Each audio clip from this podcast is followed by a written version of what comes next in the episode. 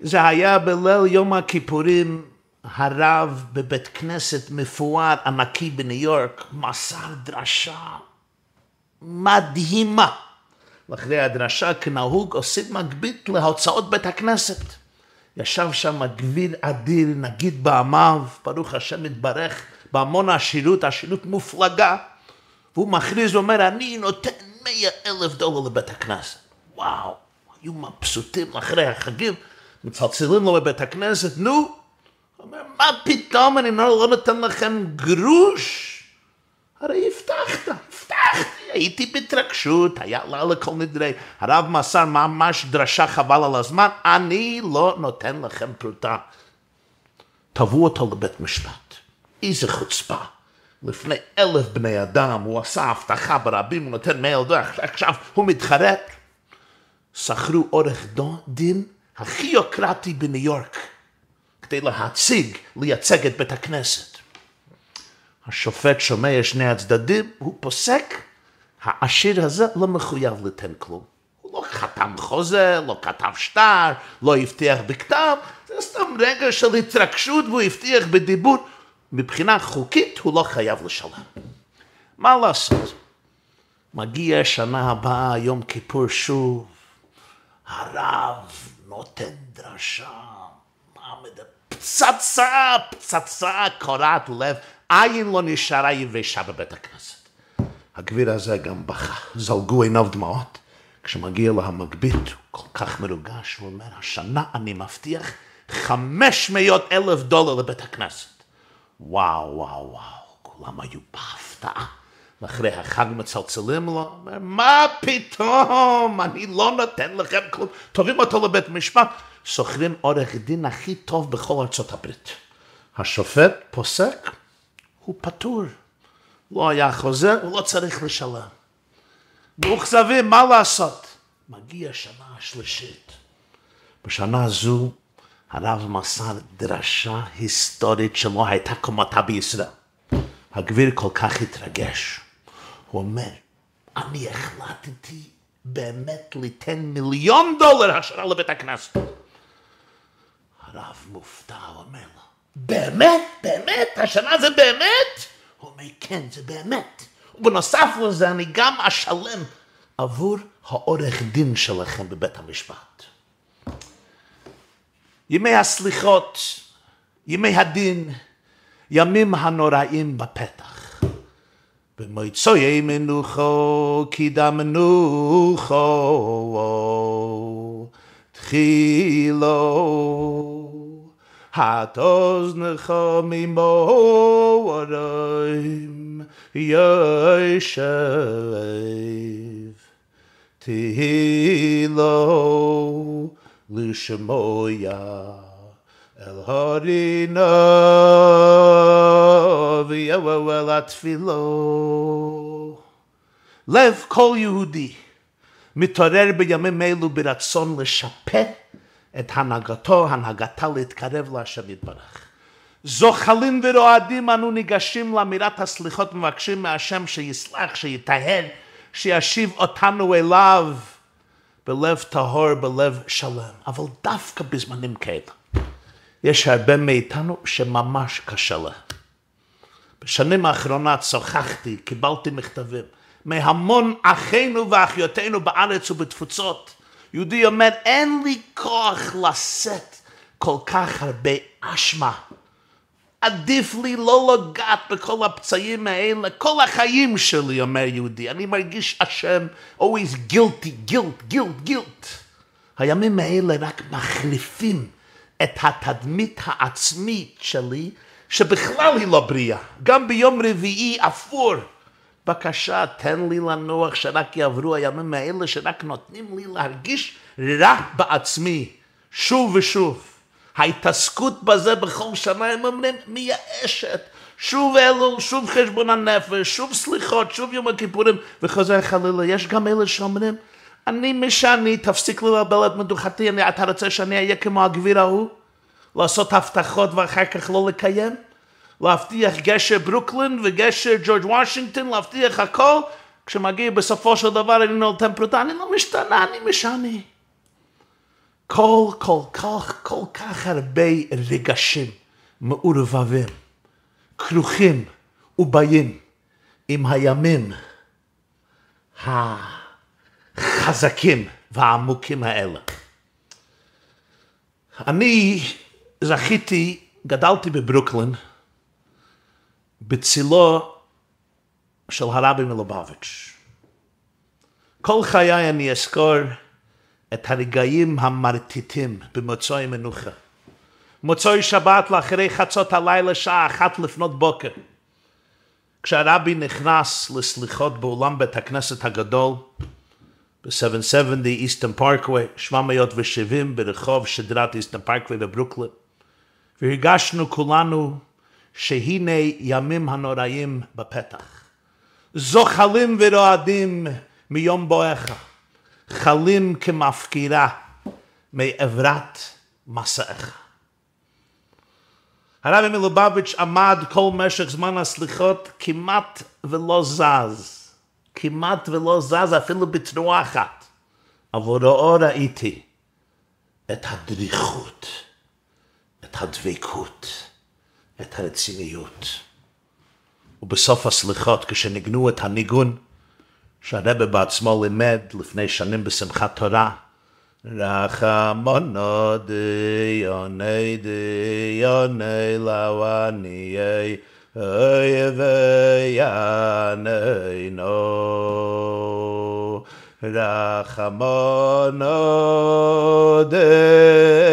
דיוני לסבירי ליבו. אוי יענינו אוי יענינו ולב לא נשאר אדיש.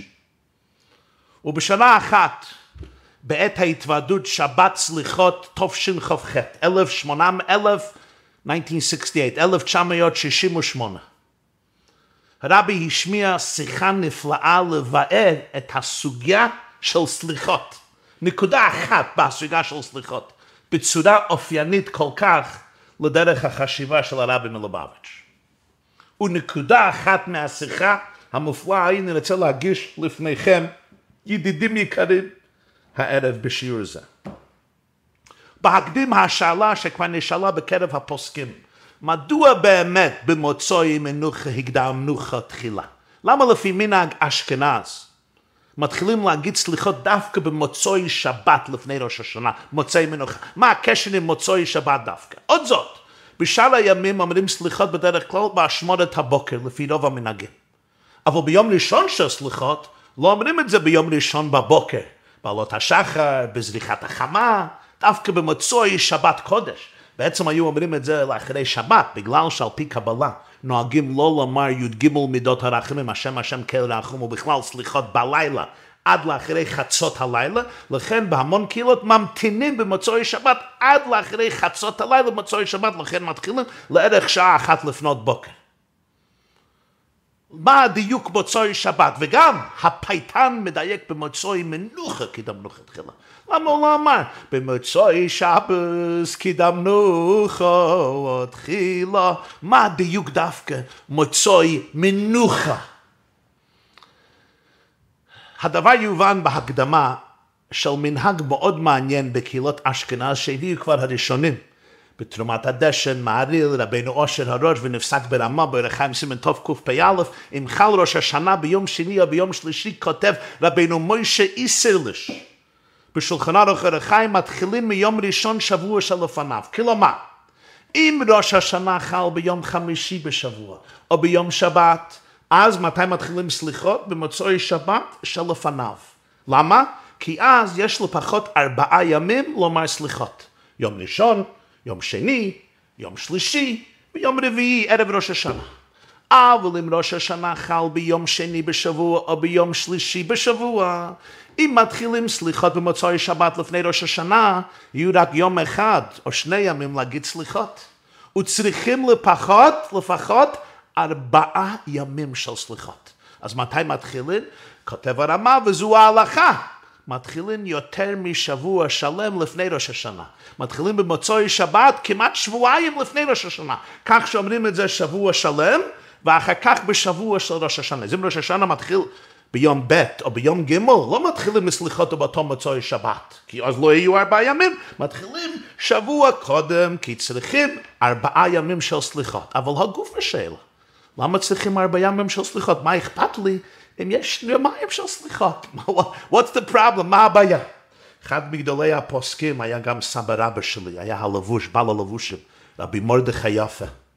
הוא כותב, וזה הובא במגן אברהם, בביור הגרו, הוא כותב ככה, ביור מעניין, יש אלה שנוהגים להתענות במשך עשרת ימי תשובה. הבעיה היא עשרת ימי תשובה זה עשרה ימים, אבל חסר להם ארבעה ימי תעניות, שני ימי ראש השנה, זה חג, שבת תשובה זה שוב שבת, וערב יום כיפור הרי מצווה לאכול, חסר להם ארבעה ימים של תעניות. אז מתי משלימים את זה? בארבעה ימים של סליחות. כך מסביר בעל הלבוש מהסבא רבי מרדכי יפה. אבל לכאורה זה צריך ביור. למה? כתוב מפורש, וזו סוגיה במסכת יומא, שכל מי שאוכל ושותה בערב יום הכיפורים, מעלה עליו הכתוב כאילו התענה שני ימים. תשעה בתשרי ועשירי בתשרי. כלומר, יש לימוד מיוחד מהפסוק שאכילת ערב יום הכיפורים זה מצווה כמו תענית יום הכיפורים, זה נחשב כמו תענית. אז חסר רק שלושה ימים, לא ארבעה ימים. יש עוד ביור שני, למה צריכים ארבעה ימים של סליחות? שמצינו אצל שניים מגדולי האחרונים וענקי ההלכה במאה ה-17, עטרת זקנים ואליה רבה. שניהם כותבים את זה בשולחן אור החיים, סימן תקפ"א. עטרת זקנים זה פירוש של השולחן אורך, שנכתב על ידי יהודי אחד מגדולי הפוסקים בדורו, הרב מנחם מנדל אוירבך. הוא נולד בשנת האלפים ש"פ, 1620, 1620, הוא נפטר בתמוז שנת התמ"ט, 1689, 1689. הוא היה דיין ורב מפורסם בווינה. מחבר ספר עטרת זקנים על שולחן ערוך מגדולי התלמידים של הבח, הבית חודש רבי יואל סירקיש רבו של קרוקה, שגם כתב פירוש על הטור. זה עטרת זקנים, רב מנחם מנדל אוירבך. יש עוד ספר בדור אחר כך, כמה שנים אחר כך, ספר אליה רבא. אליה רבא זה גם ספר הלכה מאוד חשוב, נכתב על ידי רב אליה שפירא. הוא נולד בשנת ה' אלפים תכ"ח. תכ"ח, 1660, 1660, הוא בערך, הוא נפטר בשנת האלפים תע"ב, 1712, 1712. הוא היה דיין, ראש מסיפתא, רב מפורסם וגם דרשן בפראג. הוא היה פוסק, הוא חיבר כמה וכמה ספרים, ביניהם זה הספר אליה רבא ואליה זוטה, שהם פירושים על ספרי הלבושים של רבי מרדכי יפה. Is העטרת זקנים והאליה רבא נותנים עוד ביור מאוד מעניין למה אנחנו זקוקים לארבעה ימים של סליחות. מה אכפת לי אם נגיד סליחות שלושה ימים, יומיים, יום אחד? אגב, הביור הזה הובא גם במשנה ברורה לבעל החופץ חיים בפירושו לשולחן ערוך משנה ברורה, עוד לפני זה בבאר הטף. ואני אגיד לכם הביור שלהם. בפרשת פנחס התורה מתארת סדר הקרבנות של כל החגים. גם ראש השנה, אבל יש שינוי. בכל החגים כתוב והקרבתם, והקרבתם עולה לשם. הקרבתם פירוש להקריב, להקריב קורבן לשם. בראש השנה, חג היחיד ששם לא נאמר והקרבתם, אלא ועשיתם. פרשת פנחס, בספר במדבר, פרק כ"ט, פסוק ב', ועשיתם עולה לריח ניחוח לשם. פרבן בקר אחד, אייל אחד, כבשים בני שנה, שבעה תמימים. מה השוני הזה? למה לא כתוב בראש השנה והקרבתם עולה? כתוב ועשיתם עולה. בתלמוד ירושלמי מסכת ראש השנה פרק ד' הלכה ח' הוא מסביר שעשיתם הולך גם על האדם. בכל שאר החגים מדברים על הבהמות והקרבתם עולה להשם.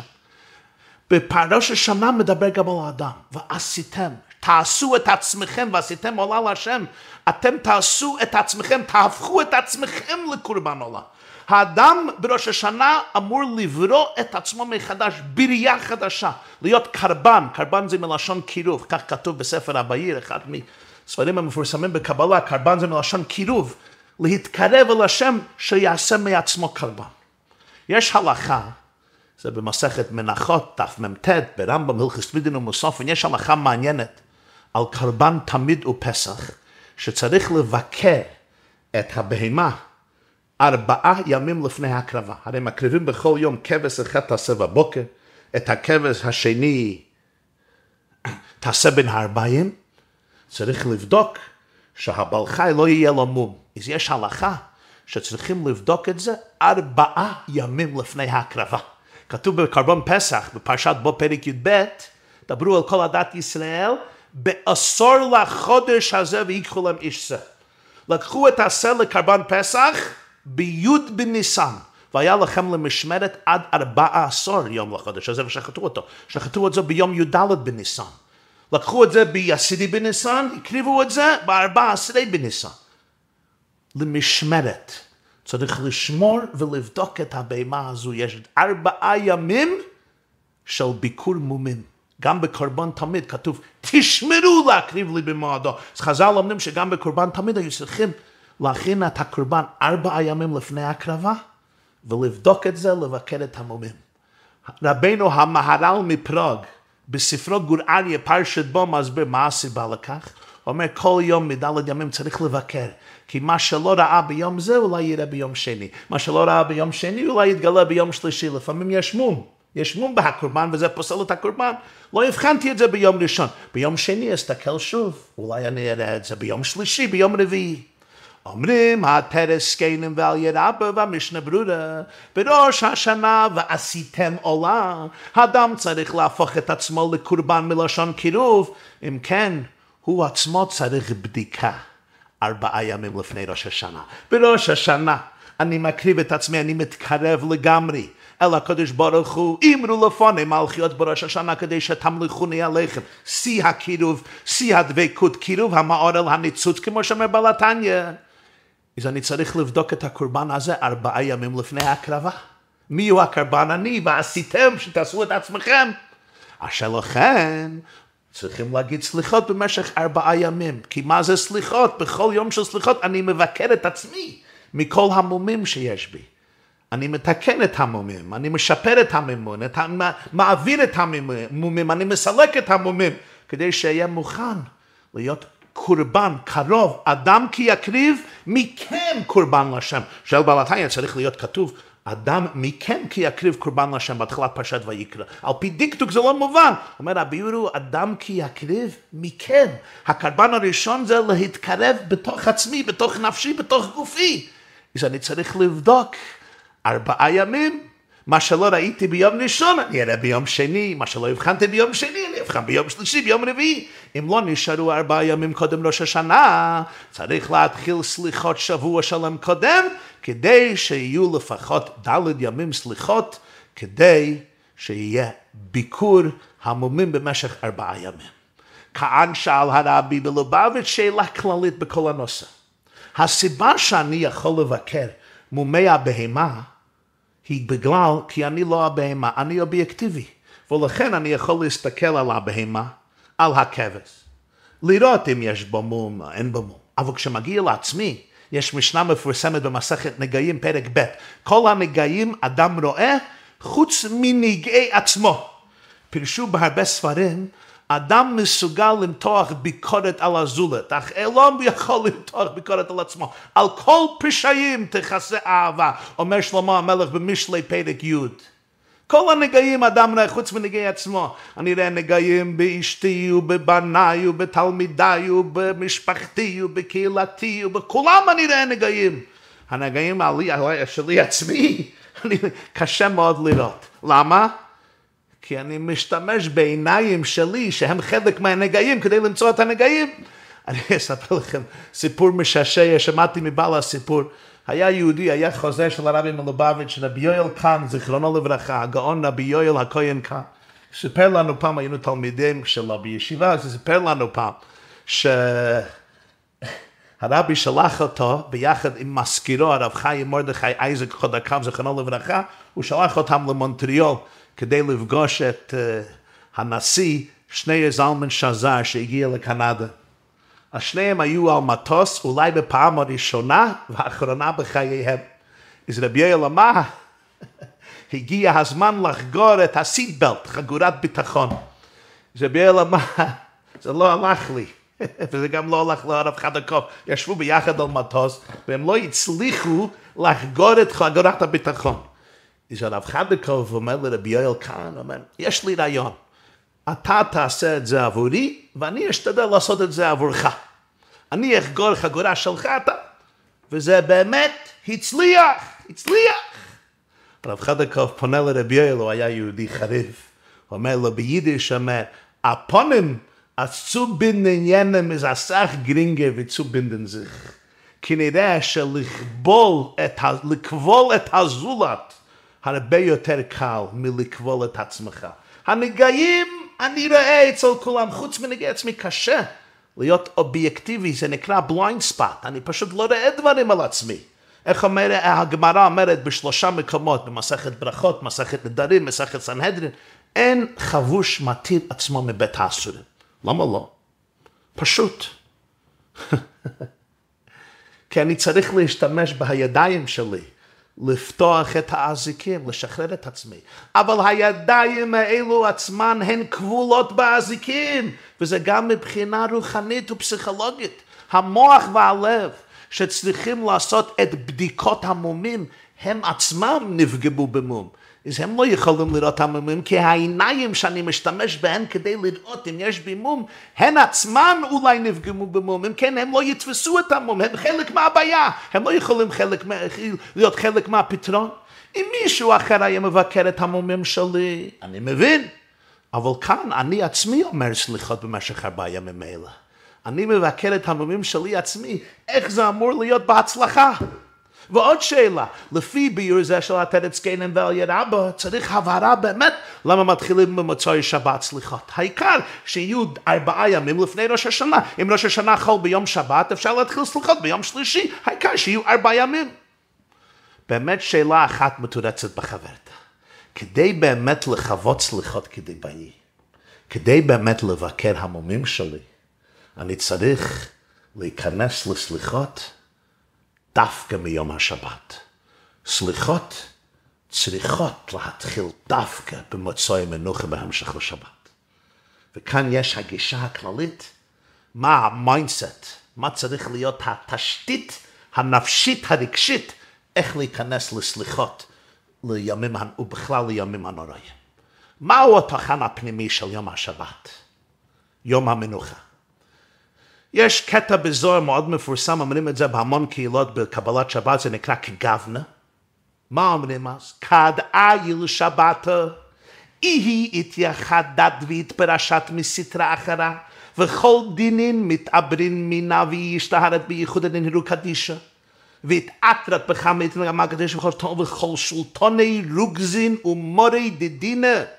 כולו ארקין והתעברו מנו ולז שלטונו אחרו בכולו אולמין. כלומר, כשמגיע יום השבת, כל דינין מתעברין מנה. שבת היא היום, הדינים מתעברין, עוברים, מסתלקים מהשבת. התפרשת מסתרה אחרה. לת שולטנה אחרה בכולו אלמן. זה מתחיל בתוך נפש עצמו. אין שלט אחר בי בשבת. כלומר, שבת, במילים פשוטות, הוא היום שבו אנחנו מסוגלים יותר לפתוח את עצמנו לגילוי החלק שבך ובך שלא נמצא בבית האסורים. התפרושת מסדרה אחרת, וכל דינין מסעברין מנו, ולב שלטון האחרה בעולם שלך. מה מתגלה? הנפש האלוקית, שהיא חלק אלוקה ממעל ממש, היא זרם ממש. של המודעות האינסופית בעולם, חלק הלקה ממעל, שתמיד בכל המצבים נשארה דבוקה לאלוקים חיים בלשון בעלתניה בלקוט התוירה ראש השונה ממש רמלת ממעמקת.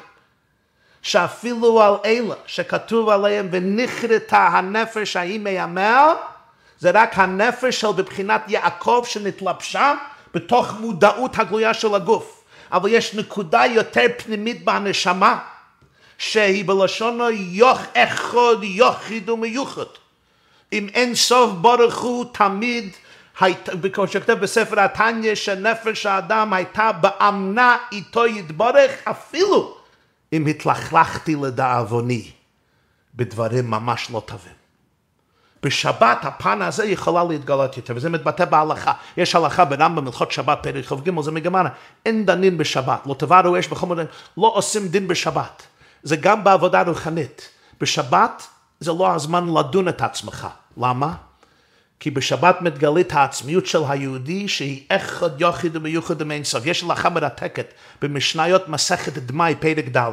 אם מישהו לוקח פירות מיהודי שהוא לא נאמן שהוא נתן מעשרות. ואני לא יודע אם אני יכול לאכול את הפירות האלה, יש לי סעודה גדולה בליל שבת, רוצה להגיש פירות, אני לא יודע.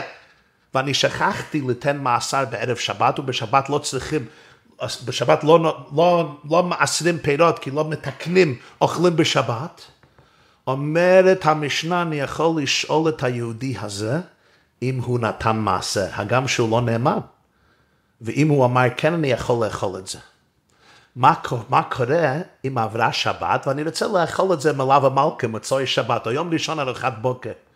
אז אני, אסור לי לאכול את זה עד שאני נותן מסה לבד, עד שאני נותן מסה בעצמי, אפילו אם הוא נותן, שהוא, אפילו אם הוא אומר שהוא נתן מסה. מה קרה? אומר הירושלמי, תלמיד ירושלמי, דמי פרק ד', אפילו עם הארץ אינו משקר בשבת. הסביר הרב מה הביור? העדינות שבכל יהודי מתגלית יותר בשבס. סלייק צריך לשטף שבס. ודאי, מצד כוח הבחירה, אני יכול לשקר גם בשבת. יש אלה ש-somehow they figure out, הם, אני צוחק, זה לא בדיחה, הם יודעים לשקר גם בשבת, אבל זה הפך עצם הטבע של היהודי. המרקם האנושי והנפשי של יהודי אפילו המורת, המורת זה לא יהודי שלא יודע כל כך, זה מישהו שלא אכפת לו ההלכות האלה, הוא לא משקר בשבת. יש מושג על חטא שחטאנו לפניך ביצר הרע, שאני יכול לגרות את היצר הרע שלי לעשות דברים שאפילו בדמיונו עצמו הוא לא תכנן לעשות. זה חוש הבחירה שיש לו ליהודי. אבל זה שבת, יש עדינות מיוחדת. הוא לא משקר. מוצאי שבת, הכלל הזה לדאבוננו לא קיים. בשבת, זה הפך טיבו. כלומר, כשאומרים ששבת זה יום מנוחה, זה לא רק יום מנוחה ממלאכה פיזית. אני לא חורש ולא זורע ולא קוצר ולא דש ולא אופה ולא טוחן ולא כותב וכולי. אלא זה גם יום של מנוחה מהסבל האנושי. הסבל האנושי, הסבל ה exis, הסבל של קיום, הסבל של קיום של existence. ו-existential angst קוראים לזה, סבל קיומי, סבל אקסיסטנציאלי. ההתערובס, הצ'ולנט של טוב ורע. לכן כתוב בספרי החסידות וספרי הקבלה, אחד מהמלאכות שלא עושים בשבת זה בורר. בורר אסור בשבת, כמו רבי של קמונך, חיים שי"ט מהגמרא בשבס, עין ד'. מה זה מלאכת בורר בגשמיות? אסור לברר הפסולת מהטוב. למשל באוכל יש סלט ויש שם דברים חסה שמלוכלכת, לא... אסור לי לברור, אני יכול לאכול מה שאני רוצה לאכול.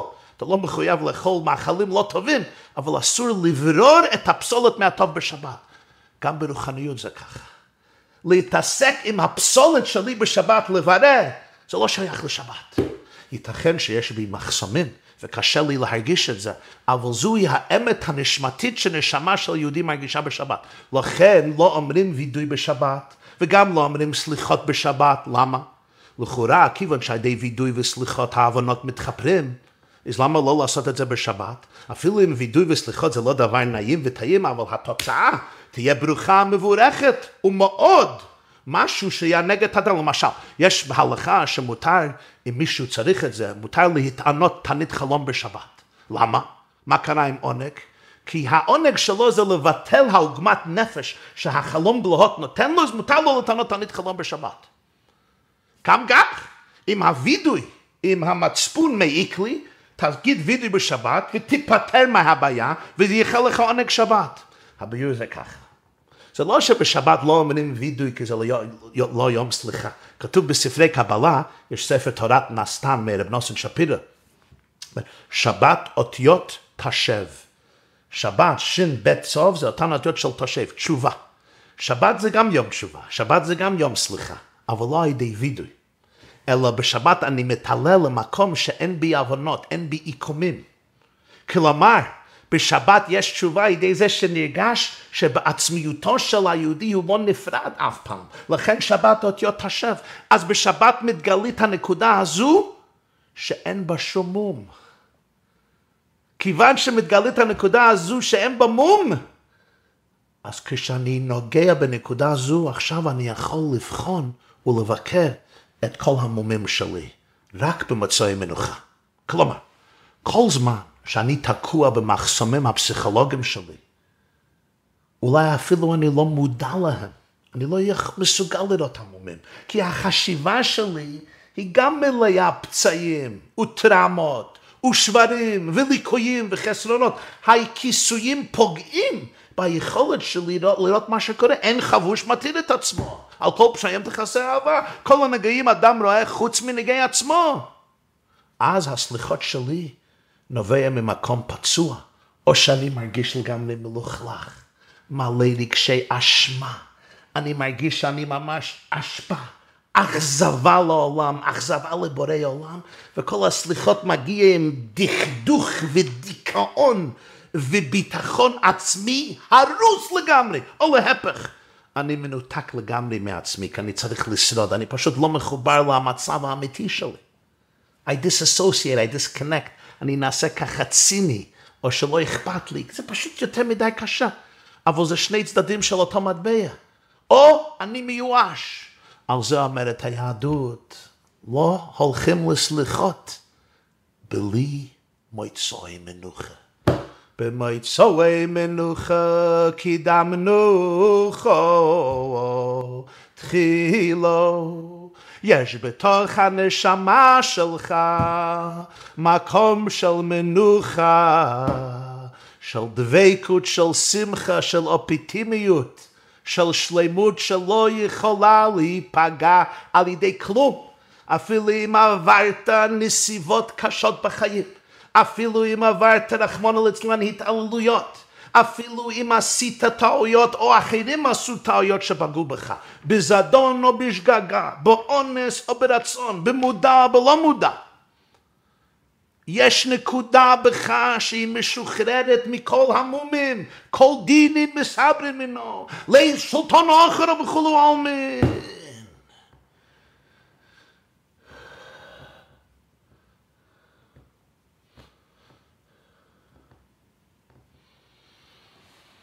ואן פה נהירים בנינו אילו, וסתרס לסתה במקדישה. אתה צריך להתחבר עם המאור בך. עם האור והמאור שבך. אתה לא חלק מכל המומים האלה. וזה באמת, זה דבר רציני מה שאומרים.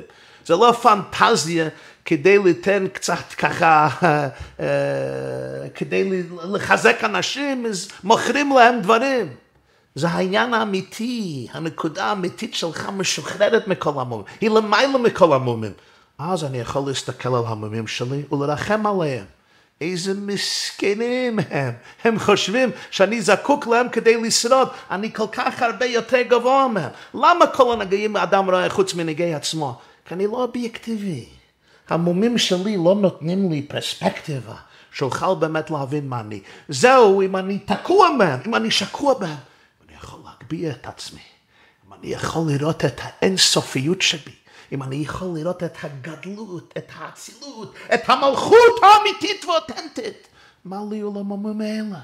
בסנהדרין דף ס"ה מסופר שטורנוס רופוס מרוימי שאל את רבי עקיבא איך יודעים שיום השביעי זה שבת, זה גם במדרש רבה ברישס. רבי עקיבא אומר לו, נהר סמבטיון יוכיח. נהר סמבטיון זורק את אבנים כל השבוע, בשבת הוא נח. מסביר הרבי על פי פנימיות התורה. בשבת אף אחד לא זורק אבנים עליך. זה דבר עמוק. אתה יכול להיות במנוחה טוטאלית, דבוק למקורך, דבוק לשורשך, אתה לא צריך לשרוד, אתה יכול לחיות במודעות רחבה. יש הרבה מאיתנו שמרגישים תמיד מישהו זורק אבנים, במודע או בלא מודע. מישהו זורק אבנים אליי, אני צריך תמיד להלביש מגן, אני צריך תמיד להלביש מסכה, אני צריך תמיד להלביש אה, אה, מגן, הפנסר או שילד. אם לא החיצים, האבנים יפצעו אותי, לכן אני מתחת כיסויים, אני משקר, יש לי אגו מכאן ועצים, יש לי אי ביטחון עצמי, יש לי מחשבות, דיבורים ומעשים שהם באמת מומים, אבל כל המומים האלה מגיעים ממה? זרקו אבנים אליי, או שאני חושב שזרקו אבנים אליי, ואני חושב שעוד זורקים אבנים. אומר רב עקיבא, זה שבס, שבס, איך אומר הפסוק בישעיה? אם תושיב משבס רגליך, וקורוסו לשבס עונג, עוז תתענג על השם. אם אתה יכול להרגיש את התענוג, את התענוג הפנימי העצמי שלך, שנובע מעצם קיומך בתור התגלמות של האלוקות בעולמנו. עכשיו אתה מסוגל להגיד במצוי שבת, לכו השם הצדקה ולנו בושת הפנים. להבין עד כמה אני מתבייש מזה שאני חושב שאני זקוק למומים אלו כדי לשרוד. אני הקטנתי את עצמי כל כך לחשוב שאני אשרוד על ידי הליקויים והמומים האלה, בגשמיות, ברוחניות, ברגשים. על ידי זה שאנתק את עצמי אני אשרוד. אני לא יכול להפגין אהבה, לא יכול ליתן אהבה, לא יכול לקבל אהבה, לא יכול, לא יכול לפתח משמעות בחיי, לא יכול לפתח אמביציות להישגים גדולים, ענקים, לא מסוגל לראות מי אני באמת. אז כל הסליחות יכולה להצליח באמת רק בגלל שזה מתחיל בהמשך לשבת. בשבת מתגלית ההתקשרות עצמית שלך עם אלוקי העולם, והכפרה העצמית של המעלה מהמומים, אז אני יכול להסתכל על המומים שלי ממש כאילו הייתי אדם אובייקטיבי זר, כי זה כבר לא ניגי, אדם רואה חוץ מניגי עצמו. אבל זה לא ניגי עצמו, זה לא נגעים של העצמיות שלי. הרב חזר פעם על פתגם שחמיב, אדמו"ר הרייץ, רבי יוסי זולבביץ' אמר פעם. אמר, כשם שהאדם צריך לדעת החסרונות, כך צריך לדעת מעלת עצמו. אתה צריך להיות מודע לחסרונות, אתה גם צריך לדעת מעלות עצמך. שאל הרבה פעם בהתוודות, הייתי שם, ווב תשעי טוב שמ"ב, למה חמיו אמר עצמו רק במעלות ולא בחסרונות? כלומר, כשם שאדם צריך לדעת החסרונות, כך צריך לדעת מעלות עצמו. היה צריך להגיד, כשם שאדם צריך לדעת חסרונות עצמו, כך צריך לדעת מעלות עצמו. בחסרונות הוא לא אמר עצמו. אמר, הוא היה, זה היה דיוק, דיוק מאוד מאוד חזק. החסרונות זה לא של העצמיות שלך. זה לא חסרונות עצמו, מלשון עצם. החסרונות נדבקו בי. הם נדבקו בי. בגלל ההתלבשות בעולם הזה, בגלל החוויות בעולם, אבל זה לא העצמיות. העצמיות זה אחד יוחיד ומיוחד עם השם. כשם שאדם צריך לדעת החסרונות, כך צריך לדעת מעלות עצמו, המעלות הן חקוקות בעצמיות הנפש.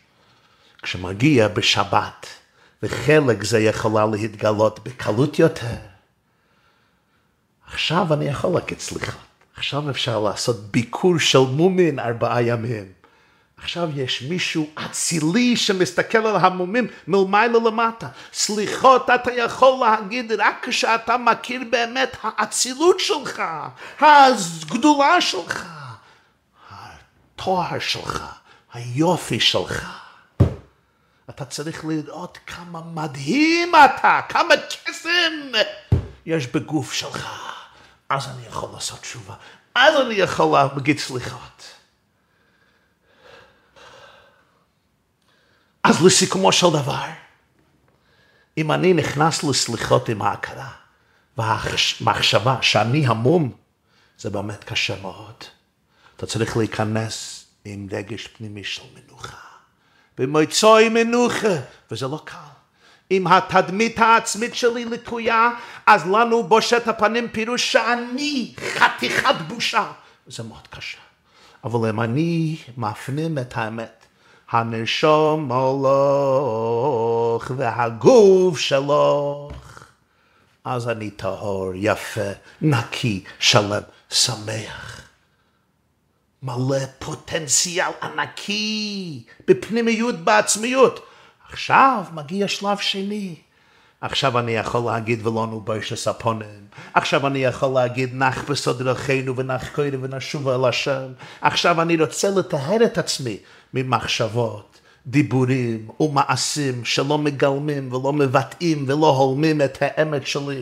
עכשיו אני רוצה להתחרט על העבר, לקבל על הבא. עכשיו אני רוצה להפנים תשובה בחיי היום שבמשך היום אני ישר, אני ישר מחובר לתקע.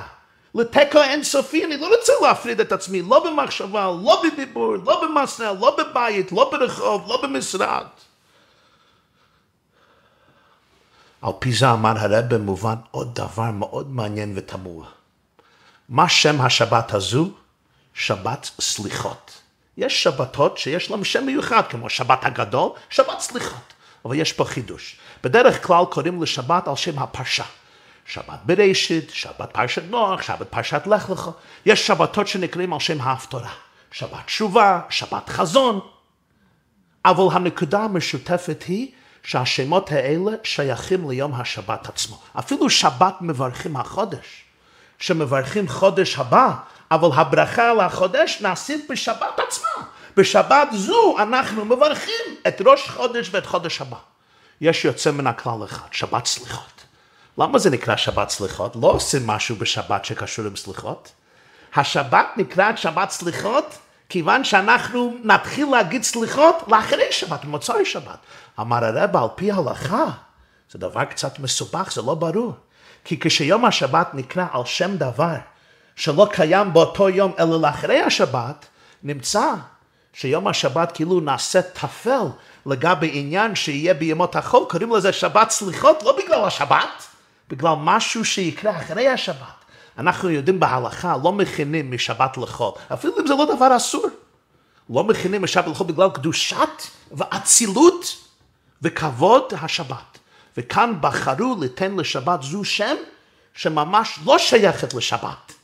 שבת סליחות, רק למה שיהיה אחרי השבת. כאילו מגדירים את השבת במשהו שיהיה לאחרי השבת, שלכאורה מבחינה הלכתית זה דבר מסובך.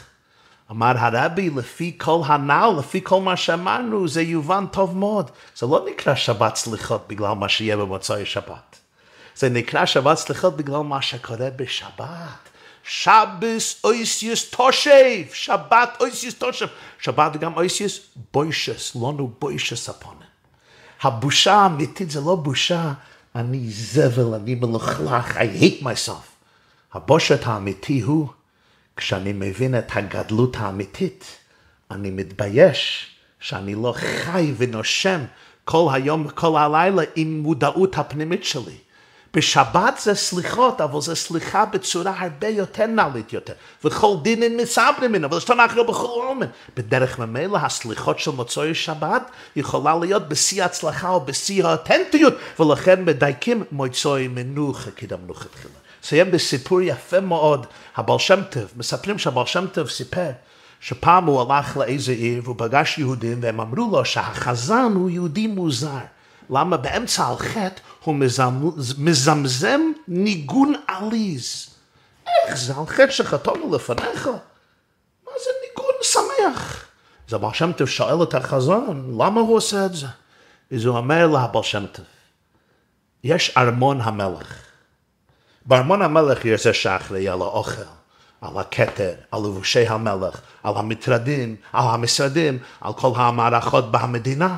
וכמובן הם עובדים את המלך בשמחה ובלהט ובפתוס ובהתלהבות, זכו לעבוד את המלך. אומר לבעל שם טוב, יש גם בן אדם אחר, החצרן, השרת, הג'אנרר, יש מי שאחראי על הניקיון, תפקידו כל יום, כל שעה, לנקות את ארמון המלך מהזבל. כל יום הוא לוקח מטאטא כדי לאסוף את האשפה למקום אחד ולסלקו. ילמדנו רבנו, אומר לאבא שם טוב.